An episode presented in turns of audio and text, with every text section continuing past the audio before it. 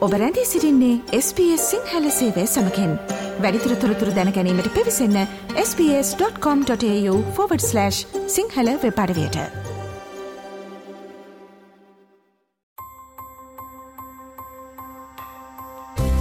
මේ SBS ගුවන් විදුලියේ podcast විකාශයයි.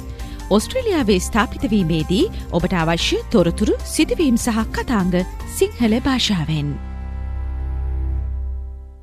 ඔස්ට්‍රේලියාව බ්‍රිතාන්‍ය යටත් විජිතයේ උරුමයක් වශයෙන් බ්‍රිතාන්‍ය රාජාණ්ඩුව සමඟ විධිමත් සම්බන්ධතාවයක් පැවැත්වීම සිදු කරනවා.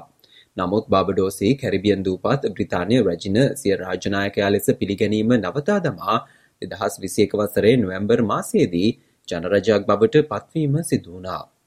දෙදහස් විසි දෙක වසරේ සැප්ටැම්බර් මස අටවන දින අනු හයවැනිවියේ පසුවද්දී දෙවන එලිසබෙත් රජනගේ අභාවයත් සමඟ වත්මන් ඔස්ට්‍රලියාවට බ්‍රිතාන්‍ය රාජාණ්ඩුව සමඟ පවතින කාර්යභාරය කුමක්ද යන්න සම්බන්ධයෙන් බොහෝ දෙනා තුළ කුතුහලයක් මේ වන විට මතුව තිබෙනවා. මේ හේතුවෙන් අද සෙටල්මන් ගයිඩ් මගින් අවධානය යොමු කරන්නේ ඔස්ට්‍රලියාව සම්බන්ධයෙන් බ්‍රිතාන්‍ය රාජාණ්ඩුවට ඇති කාර්යභාරය කුමක්ද යන්න සම්බන්ධයෙන්. බ්‍රිතාන්‍ය රාජාණ්ඩුව සමඟ ඔස්ට්‍රලියාවේ බැඳීම බ්‍රිතාන්‍ය යටත් විජිතකරණයේ උරුමයක් වනවා. මියසියම් of ඔස්ට්‍රලියන් ඩිමොක්‍රසිහි පර්යේෂක කැම්බල් රෝඩ්ස් පවසන්නේ ඔස්ට්‍රලියාව මහා බ්‍රිතාන්‍යයේ යටත් විජිතයක් වශයෙන් ඇරඹි අතර ඒ හේතුවෙන් ඔස්ට්‍රලියාව තුළ බොහෝ බ්‍රිතාන්‍ය සම්ප්‍රදායන් පවතින බවයි. Australia was founded as a colony of Great Britain, and so it has borrowed or adapted many British traditions, including in the government. And one of those is the monarchy. බ්‍රිතාන්‍යයේ රජු ඔස්ට්‍රලියාවේ රාජ්‍ය නායකයා වශයෙන් සැලකෙනවා. එක්දහස් නමසය පනස් දෙක වසරේ පෙබරවාරි මාසේදී එලිස්බත් ඇලෙක්සන්ඩ්‍රා මේරී වින්ස දෙවන එලිසබත් රජන වශයෙන් පත් වූ අතර ඇයිගේ පාලනය යටතේ පොදුරාජ්‍ය මණ්ඩලිය රාජ්‍යයන් දහ හතරක් පැවතුනා. දෙවන එලිසබත් රජන බ්‍රිතාන්‍ය ඉතිහාසයේ දීර්ඝතම කාලයක් සේවය කළ පාලකයා වශයෙනුත් සැලකෙනවා.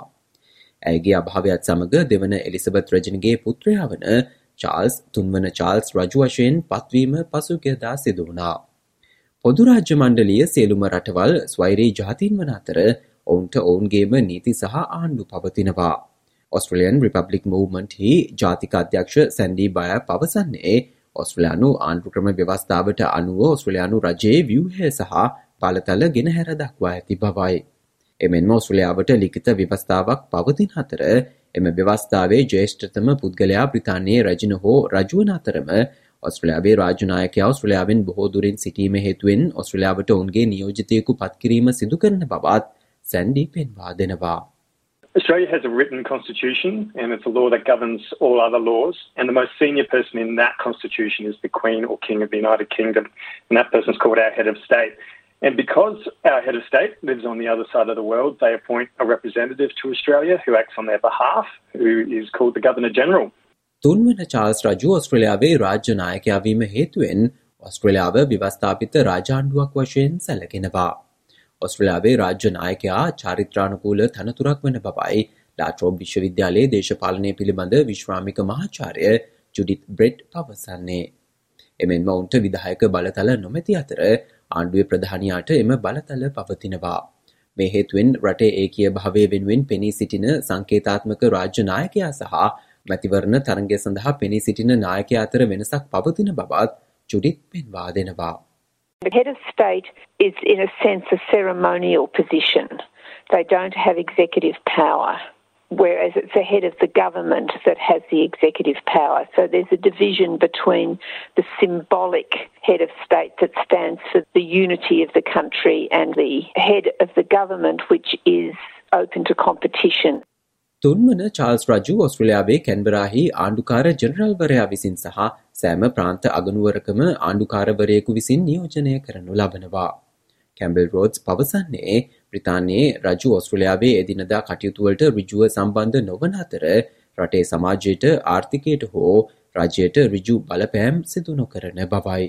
කෙසේ වෙතත් බ්‍රිතාන්‍යයේ රජු ඔස්ට්‍රලයානු කරුණු පිළිබඳව ඉතා හොඳින් දැනුවත් වන අතර රජු අග්‍රාමාත්‍යවරයාගේ උපදේශකයෙකු සහ විශ්වාසවන්තයෙකු ලෙස ක්‍රියා කළ හැකි බවත් කැම්බෙල් පෙන්වා දෙනවා. But the Queen does take an interest and is very well briefed on Australian matters.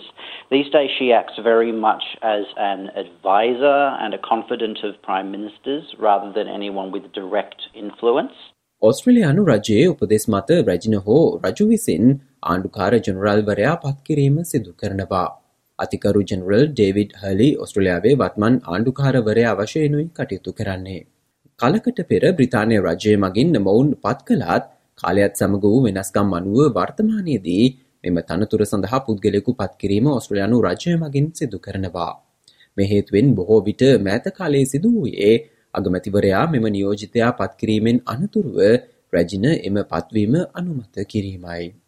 Once upon a time, they were appointed by the British government, but over time we have changed that and evolved. So now the Australian government makes the appointment. It is simply a matter of the government or the cabinet choosing the person that they want, which often means the Prime Minister choosing the person that they want, and then the Queen will approve the appointment. Usually for five years, but often that term will get extended. රජු මෙන්ම ආණ්ඩුකාර ජනරල්වරයාද එදිනදා පාලනයට සම්බන්ධ නොවන නමුත් වැදගත් වගකීම් දරණ බවයි ඔස්ට්‍රලයානු ජනරජ ව්‍යාපාරයේ ජාතික අධ්‍යක්ෂ වශයෙන් කටයුතු කරන සැන්ඩී පවසන්නේ. නමුත් ඔස්ට්‍රලයානු පාර්ලිමේන්තුව නීතියක් සම්මත කරන සෑම අවස්ථාවකම හෝ ඔස්ට්‍රලයාාව මැතිවරණයකට යන සෑම අවස්ථාවකම ඒ සඳහා මෙම බ්‍රතාානය රජුගේ නියෝජිතයාගේ අනුමැතිය අවශ්‍ය වන බවත් සැන්ඩී පෙන්වා දෙනවා. But they do have important responsibilities. Every time a law is passed by Parliament, every time we want to go to an election, it needs the representative's approval. එක්දහස් නවසේ අසූ හය වසරේදී ඔස්ට්‍රලයානු පනත මගින් බ්‍රිතාන්‍ය සහ ඔස්ට්‍රලයානු රජයන් අතර රාජාණ්ඩුව හැරුණු විට අවසන් නිල සමඳතා බිඳ දැමීම සිදු කළා. දෙවන එලිසබත් රජනගේ සමයේදී බොහෝ බ්‍රිතාන්‍ය යටත් විජිත රාජාණ්ඩුව සමඟ ඔවුන්ගේ සමඳතා කපා හැර ඇති අතර බාබඩෝස් දූපත් මෙය මෑතකාලිනව සිදු කළා. ඔස්ට්‍රලියාව දැනටමත් ජනරජයක ලක්ෂණ පෙන්නුම් කරන අතරම බ්‍රිතාන්‍යයේ රජු හෝ රැජින ඔස්ට්‍රලියාවේ ප්‍රධානයා ලෙස සිටීම වෙනුවට ඔස්ට්‍රලයානුවන් විසින් තෝරාගන්නා ලද ඔස්ට්‍රලයානු ජාතිකයෙකු සිටියයුතු බවයි ඔස්ට්‍රලයානු ජනරජ ව්‍යාපාරය විශ්වාස කරන්නේ. සැන්ඩි මේ සම්බන්ධයෙන් පවසන්නේ අප වැනි ස්වාධීන රටක සියලුම තීරණ ප්‍රජාතන්ත්‍රවාදීව ගනු ලබන බවත් අපගේ නියෝජිතයෙන් ඔස්ට්‍රලයාාවේ අපශතාවලට මුල්තැන දෙන බවත් අර්ථවත් වන බැවින් අප මෙය විශ්වාස කරන බවයි. The Australian Republic movement believes that instead of having the King or Queen of the United Kingdom as the head of our country, that we should have an Australian chosen by Australians. And we believe this because it makes sense that all decisions in an independent country like ours are made democratically and that our representatives put Australia's interests first. එසේම ඔස්ට්‍රලයාාවේ ප්‍රථම වතාවට වත්මන් ලේබ රජය ජනරජයේ සහකාර අමාත්‍යවරයකු ලෙස mat තිසල්වේට් පත්කිරීමත් දැකිය හැකි. මේ අතර ප්‍රතාානය රාජාණ්ඩුව කෙරෙහි ඇති හැඟීම්ද ඔස්ට්‍රලයාාව තුළ වෙනස් වෙමින් පවතින පවයි මහාචාරය ජුඩිත් පවසන්නේ. එමෙන්ම පසුගේ දශකබලට වඩා මේ වන විට ඔස්ට්‍රලයාාවට සිදුවන රාජකීය සංචාර කෙරෙහිත් පුද්ගලින්ගේ අඩු උද්‍යෝගයක් පවතින බවත් හෙළිව තිබෙනවා.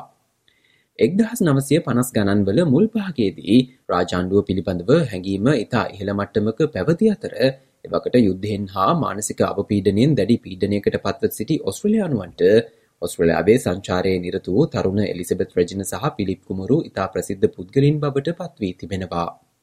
කෙසේ නමුත් වර්තමානය වන විට එවැනි තත්ත්වයක් දක්නට නොමැති බවයි මහාචාරය ජුඩිත් පවසන්නේ.